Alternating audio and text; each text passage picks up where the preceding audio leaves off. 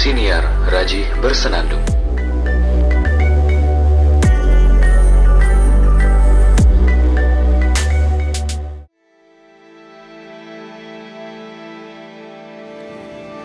Kembali lagi di podcast Raji Bersenandung bersama saya Raji Araki yang direkam langsung dari Penang, Malaysia. Woo! Ya, saya sekarang berada di Malaysia, guys. Sedang uh, proses menuju uh, proses untuk studi S2 di University Science Malaysia. Ya, itu intermezzo aja sedikit. Uh, hari guru itu hari ini kan ya 25 November Eh, mengingatkan saya kepada situasi dulu. Saya pernah menjadi guru, kemudian saya juga uh, benar-benar terobsesi dengan yang namanya guru. Cita-cita saya dulu menjadi profesor, tapi saya juga pengen banget untuk jadi guru. Uh, ketika saya mondok dulu waktu kelas 6 atau setara dengan kelas 3 SMA itu kan ada ujian praktek mengajar. Itu saya semangat banget semangat banget. Kemudian saya kebagian pelajaran yang ya menurut saya favorit lah. Alhamdulillah banget gitu. Ketika hari di mana saya melakukan praktek mengajar dan diawasi dengan teman-teman kelompok saya gitu ada pengujinya juga. Itu mendebarkan banget tapi saya tidak deg-degan karena memang saya suka untuk mengajar sesuatu. Bukan mengajar loh ya tapi mengajar. Uh, prosesnya walaupun teman-teman saya waktu itu ketika persiapan praktek mengajar teman-teman saya uh, banyak berbarengan. Maksudnya dia ya mereka mengajak teman-teman mereka untuk berlatih di kelas-kelas kan biasanya kalau latihan malam hari kemudian pakai ruang kelas. Bareng-bareng nanti uh, teman-teman yang mau hadir di kelas sebagai sebagai muridnya itu nanti dibeliin jajan gitu. beda dengan saya saya latihan sendiri. Di kelas saya sendirian ngomong e, mencoba menghafalkan materi mendalami nggak cuma menghafal ya tapi benar-benar mendalami dan memahami. Biar ketika nanti menyampaikan materinya saya bisa dengan lancar tidak hanya sekedar hafalan tapi saya memang harus bisa menyampaikan ilmu yang saya ajarkan kepada murid-murid. Kayak gitu. Karena karena e, ujian praktek mengajar itu menggunakan jam pelajaran yang yang beneran nggak nggak cuma nggak cuma palsu-palsuan gitu. Nah, ya itu salah satu momen yang membuat saya itu suka banget dengan mengajar. Lalu ketika sudah lulus saya mendapat tugas untuk mengajar di Pondok Modern Gontor 3 Darul Marifat Kediri di sana saya mengabdi ke pondok mengabdi ini dalam artian saya uh, berkontribusi membangun pondok dengan ditugaskan di pos-pos tertentu. Waktu itu saya kebagian pos untuk membangun eh, bukan membangun ya, tapi ya e, mengembangkan pusat data dan pusat komputer pondok. Meskipun e, saya juga masih belajar waktu itu, tapi lumayan lah dapat ilmunya. Selain itu juga saya mengajar, mengajar pelajaran-pelajaran yang e, saya sukai. Kemudian ada pelajaran yang tidak saya sukai. Wah, ini ini ngerinya gitu Nah, selain mengajar juga saya kebagian e, mendapat kesempatan untuk mengenyam bangku kuliah selama dua semester e, karena kebetulan waktu itu bukan kebetulan tapi Gontor sudah punya universitas. Nah di tempat saya ngabdi itu ada cabangnya. E, universitasnya universitasnya kan sekarang namanya Universitas Darussalam, tapi dulu namanya Institut Studi Islam Darussalam. Nah di Gontor 3 Kediri itu ada cabangnya. Hmm, hanya saja cabangnya itu cuma ada satu fakultas dan satu jurusan. Fakultas Usuludin jurusannya perbandingan agama. Ya sudah, akhirnya saya kuliah perbandingan agama waktu itu. Dan seru, saya akui seru. Seru banget. Pengen banget waktu itu ngelanjutin tapi karena permintaan ibu saya untuk balik ke Malang ya sudah, balik. Nah, tiga hal itu yang saya alami setelah eh, ketika mengabdi di Gontor 3 yang ingin saya ceritakan hari ini adalah pengalaman saya ketika mengajar di Gontor. Gontor 3, ya. Gontor 3 Kediri. Saya waktu itu mengajar sejarah Islam, sejarah umum, kemudian biologi. Ini bahasa Indonesia, ini pelajaran-pelajaran yang saya suka ya. Terus saya kebagian pelajaran yang sebenarnya saya kurang bisa menguasai. Fisika. Hmm ini pelajaran yang sorry saya memang kurang minat gitu dengan pelajaran yang sifatnya menghitung-hitung menghafalkan rumus dan lain-lain contohnya fisika ini dan saya kebagian mengajar fisika kelas 1 SMP kelas 2 SMP juga karena tidak bisa mau tidak mau saya tanya ke teman yang sudah bisa alhamdulillah kok paham gitu karena teman saya pinter-pinter nah, memang metode belajar itu adalah dengan mengajar. Ketika saya mendapatkan jadwal ngajar fisika, mau tidak mau saya akhirnya belajar. Belajar dengan teman-teman yang sudah paham mengenai fisika. Belajar pelan-pelan. Untungnya kok ketika belajar dengan teman itu jadi jauh lebih paham gitu.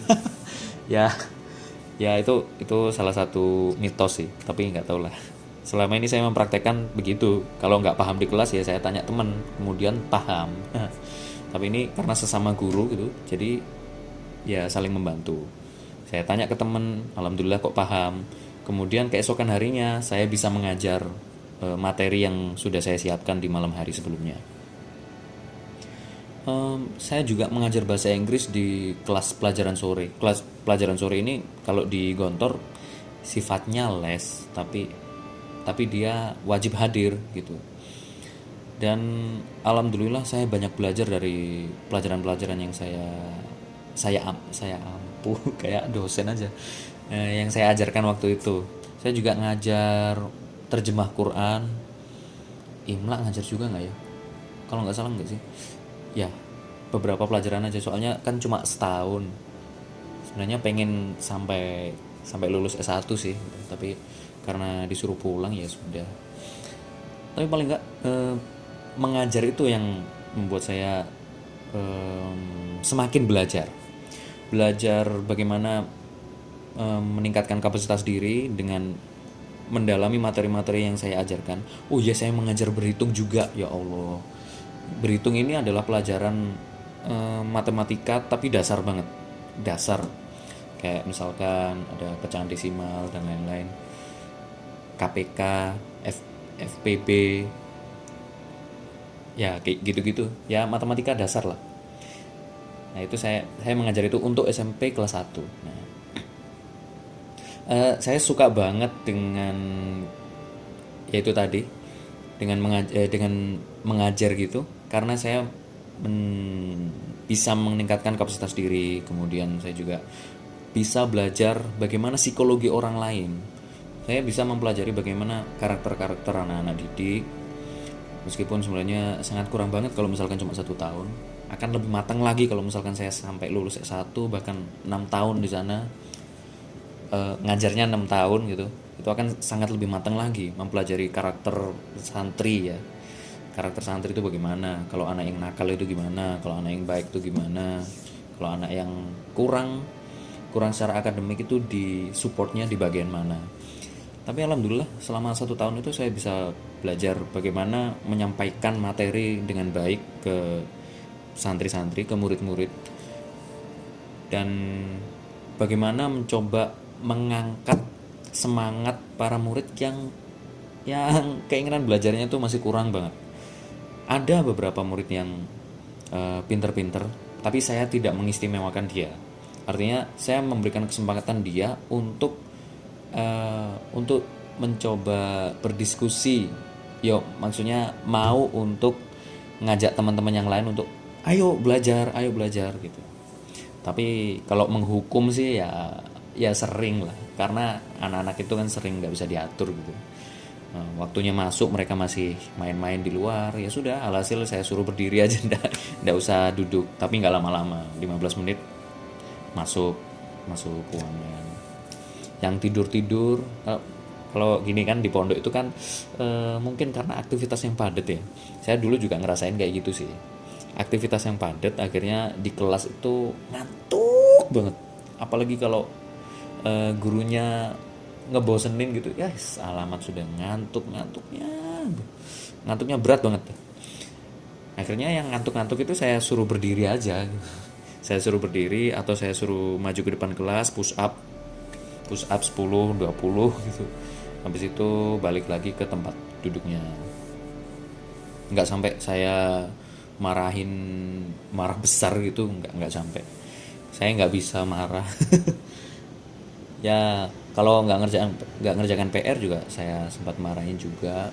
Apalagi waktu di di hari terakhir masuk kelas itu benar-benar benar-benar saya kehilangan kesabaran. Karena e, bukannya memberikan kesan yang baik di akhir-akhir waktu masuk kelas justru malah anak-anak ini semua yang saya ajar waktu itu e, pada nggak ngerjain PR padahal sudah saya ingatkan kemudian sudah saya beritahu PR-nya tuh kayak gimana kayak gimana kayak gimana dan simpel banget kok PR-nya nggak nggak nggak berat-berat banget nggak sampai 10 nomor nggak sampai nggak sampai menulis berlembar-lembar. Ringan kok tapi pada ngeremehin semua. Ya sudah saya berikan sentuhan kecil.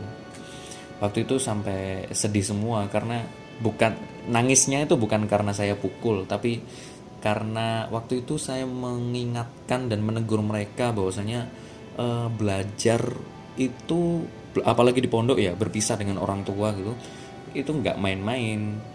Nah waktu itu akhirnya semuanya tersentuh dan menangis. Saya juga kaget loh bisa ya aku kayak gini ya? Itu nyentuh nyentuh banget ya.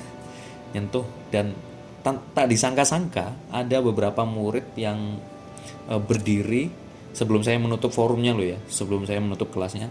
Ada beberapa murid yang berdiri kemudian Ustadz saya mau ngomong uh, saya mewakili dengan terisak-isak gitu saya mewakili teman-teman sekelas minta maaf yang sebesar-besarnya semoga bla bla bla dan lain sebagainya.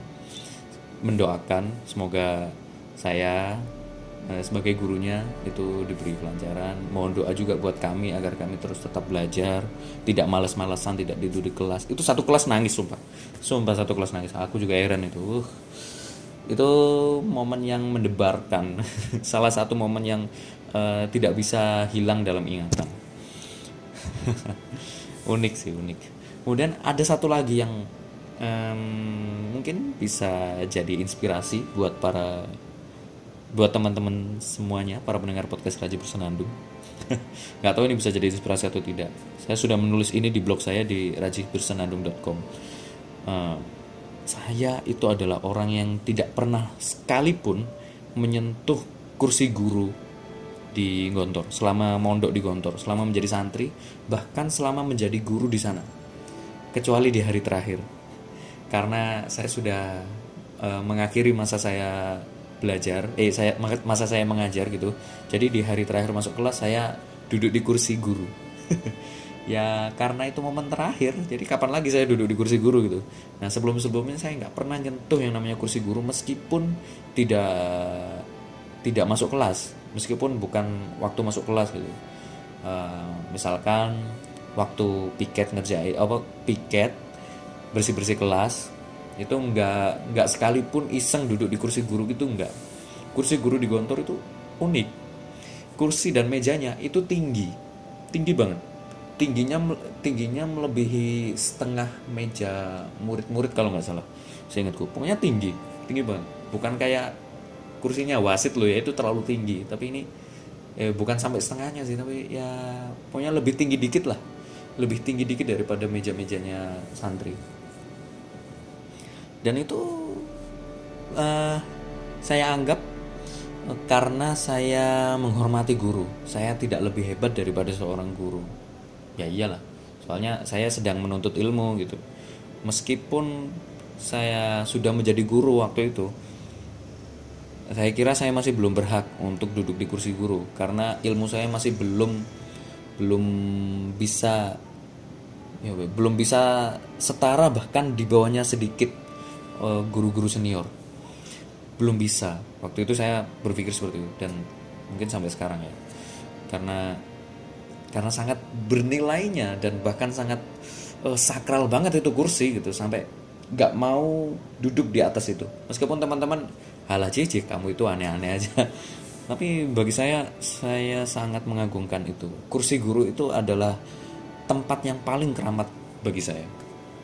Um, ya eh, tempat yang sakral banget sakral banget. Duduk di sana itu uh, lancang lah bagi saya itu. Jadi nggak sampai nggak sampai duduk di atas kursi guru. Kecuali di hari terakhir saya mengajar di kelas ya itu sih pengalamannya. Ya maksudnya itu bentuk penghormatan saya kepada nilai gontor akan proses belajar mengajar kemudian saya juga hormat kepada guru hormat kepada guru guru loh ya. E, maksudnya e, guru secara secara secara kelembagaan atau apa ya bahasanya itu. Pokoknya guru itu saya menghormati guru itu sendiri bukan ke orangnya tapi ke gurunya guru itu dan artinya kalau saya menghormati guru siapa pun yang guru saya hormati gitu. Dan saya juga nggak bisa menggurui guru nggak bisa. Caranya adalah bukan menggurui guru tapi ayo berdiskusi bareng mencoba berdiskusi bareng. Tapi ya gitu guru ini saya sadar bahwasanya ketika saya menjadi guru saya punya kelemahan banyak. Saya punya eh, saya tidak bisa menguasai materi saya juga orangnya mungkin beberapa kali terlambat masuk kelas. Saya juga sering lupa materi yang disampaikan. Bahkan saya sering lalai ketika ketika ya, ketika masuk kelas saya merasa emosi karena anak-anak itu meremehkan. Akhirnya saya ngajarnya asal-asalan. Itu penyesalan banget penyesalan banget. Kenapa waktu itu emosi saya tidak saya kesampaikan aja kenapa waktu itu saya tidak lebih tepat waktu aja gitu? Kenapa waktu itu saya tidak e, mencoba mendeteksi lebih jauh lagi anak-anak yang perlu disupport lebih dalam? Sehingga saya coba e, melalui wali kelas mereka saya coba untuk e, mendekati e, melihat anak ini kurangnya di mana terus saya supportnya di bagian mana gitu melalui wali kelasnya. Karena waktu itu saya belum jadi wali kelas jadi ya tidak berhak langsung ya meskipun punya hak tapi alangkah lebih baiknya jika melalui wali kelasnya gitu. Ya itu aneh sih tapi ya memang seperti itu adanya. Kenapa waktu itu saya tidak lebih kreatif untuk mendidik lagi? Itu penyesalan banget. Ya begitulah pengalaman-pengalamannya ketika mengajar. Itulah kelemahannya. Jadi ketika guru, eh, karena guru itu sebenarnya punya kelemahan jadi paling tidak eh, ada ruang bagi siswa untuk mengajak diskusi guru. Dan guru juga punya seharusnya punya kelegowoan hati eh, kelapangan hati untuk membuka ruang diskusi bagi anak anak-anak murid-muridnya gitu. Eh, sehingga dengan terjadinya hal seperti ini akan ada harmonisasi hubungan timbal balik yang sangat kuat antara murid dengan guru. Semua saling melengkapi perkembangan ilmu pengetahuan jadi semakin kuat. Karena tidak dogmatis. Kalau dogmatis guru bilang A murid harus bilang A ya wassalam. Nanti ilmu itu akan uh, gimana ya? Ilmu itu akan tidak berkembang. Ya mungkin bisa berkembang melalui murid-murid yang pinter-pinter. Tapi kalau misalkan ilmu yang disampaikan guru itu salah tidak ada yang bisa membetulkan eh, maksudnya tidak ada yang bisa memberikan islah gitu atau evaluasi lah istilahnya misalkan Eh, saya dulu pernah diajar oleh seorang guru tentang sejarah Islam. Waktu itu saya SMA kelas 1 atau kalau di Gontor itu adalah kelas 4. Waktu itu guru itu menyampaikan bahwasanya ada seorang raja uh, raja eh bukan raja ya. Uh, khalifah, khalifah istilahnya, khalifah. Khalifah kan waktu itu uh, sudah bertransisi. Dari yang tadinya itu khalifah seorang seorang leader malah sekarang jadi seorang sultan gitu. Eh, malah waktu itu jadi seorang bertransformasi menjadi seorang sultan. Yang tadinya Ali Ali bin Abi Thalib kan ya jadi leader kan itu. Jadi Abu Bakar Umar Utsman Ali itu kan sifatnya leader ya kemudian bertransformasi ke khilafahan ke khilafahannya itu e, sifatnya kerajaan kerajaan dan kesultanan lah dan dipimpin oleh Muawiyah. Nah, dari Muawiyah kemudian uh, berlanjut ke keturunan-keturunannya. Waktu itu uh, Ustadz ini salah menyampaikan apa gitu. Jadi salah satu nama sultan itu disampaikan tapi namanya sebenarnya salah. Waktu itu satu kelas tidak ada yang menegur. Karena satu kelas tidak ada yang paham uh, satu kelas juga masih pada belajar satu kelas juga sebagian anak-anaknya itu mungkin ya mungkin lagi capek gitu. Jadi tidak membaca dengan serius. Karena waktu itu penerjemahan dalam satu kalimat dalam satu kalimat penjelasan itu. Ya jadi waktu itu menjelaskan mengenai salah satu sultan atau salah eh, kalau nggak salah menjelaskan Bani Umayyah di awal-awal kepemimpinan Bani Umayyah. Ya kekhalifahan Bani Umayyah gitu ya. Nah tapi waktu itu eh, Pak Guru ini salah menyampaikan satu mener, salah menerjemahkan satu kalimat salah satu kalimat. Saya baru sadar ketika kelas 6 eh kelas 6 ketika ketika ngajar sejarah Islam di Gontor 3 waktu itu saya ngajar sejarah Islam anak kelas 1 SMP pakai bahasa Indonesia. Lah yang guru saya salah menjelaskan itu pakai bahasa Arab. Nah penafsiran bahasa Arab itu kan e, macam-macam. Waktu itu juga kami mungkin satu kelas itu karena memang tingkatan kelasnya itu agak bawah. Jadi ya kami e, kurang belajar juga makanya agak agak ya gimana gitu. Ketika ada penjelasan yang kurang tepat kami kurang bisa memberikan islah atau evaluasi gitu. Mungkin kami seharusnya kan ketika ada penjelasan yang kurang tepat saya atau teman-teman yang lain mengajukan tangan. Mohon maaf Ustadz sepertinya maksudnya seperti ini gitu. Nanti Ustadznya akan mencoba mengoreksi materinya dan juga memberikan permohonan maaf. Oh ya maaf saya salah menyampaikan gitu. ya itu sedikit sedikit pengalaman saya mengenai bagaimana sih menjadi seorang guru dan berkaitan dengan guru. Dan terima kasih kepada seluruh seluruh orang-orang yang telah mendidik saya, baik orang tua, kemudian guru-guru di sekolah dari TK, SD, SMP, SMA, kemudian ketika universitas di TK ada TKA Balima Bareng Malang.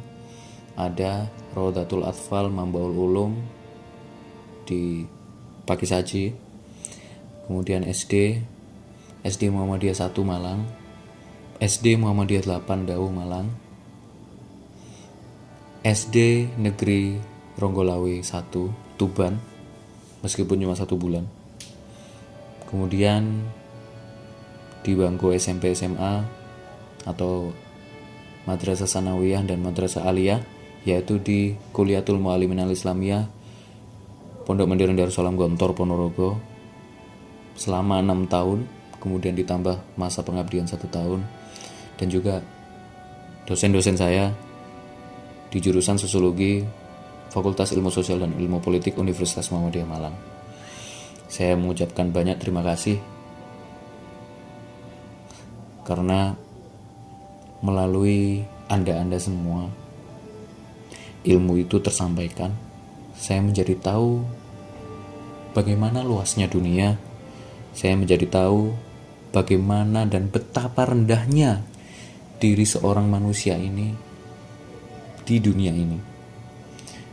Betapa pentingnya belajar, betapa pentingnya tidak menjadi sombong karena belajar karena ketika sombong, belajar itu tidak akan ada artinya. Terima kasih telah membukakan jendela dunia. Terima kasih khususnya kepada orang tua saya telah memberikan petunjuk dan jalan yang benar untuk meraih masa depan yang lebih gemilang. Terima kasih kepada orang tua dan guru-guru saya. Terima kasih yang tak terhingga kepada siapa pun yang telah mengajari saya banyak hal, tidak hanya di lembaga formal, tapi juga di organisasi-organisasi. Di Itkon Group, saya belajar kepenulisan. Di IMM Renaissance Visip, saya belajar keorganisasian, filsafat, kepemimpinan, manajemen organisasi, dan lain-lain. Di forum diskusi ilmiah, saya belajar menulis, menulis karya ilmiah, belajar menjadi juara yang rendah hati, belajar menjadi organisatoris yang pandai berkreasi, dan juga berprestasi. Di himpunan mahasiswa jurusan sosiologi, belajar bagaimana berinteraksi dengan orang lain, berinteraksi dengan anak-anak sosiologi seluruh Jawa, bahkan diberi kesempatan juga untuk berinteraksi dengan orang-orang yang hebat-hebat. Semuanya yang pernah mengajari saya, saya mengucapkan ribuan terima kasih. Anda semua adalah guru saya.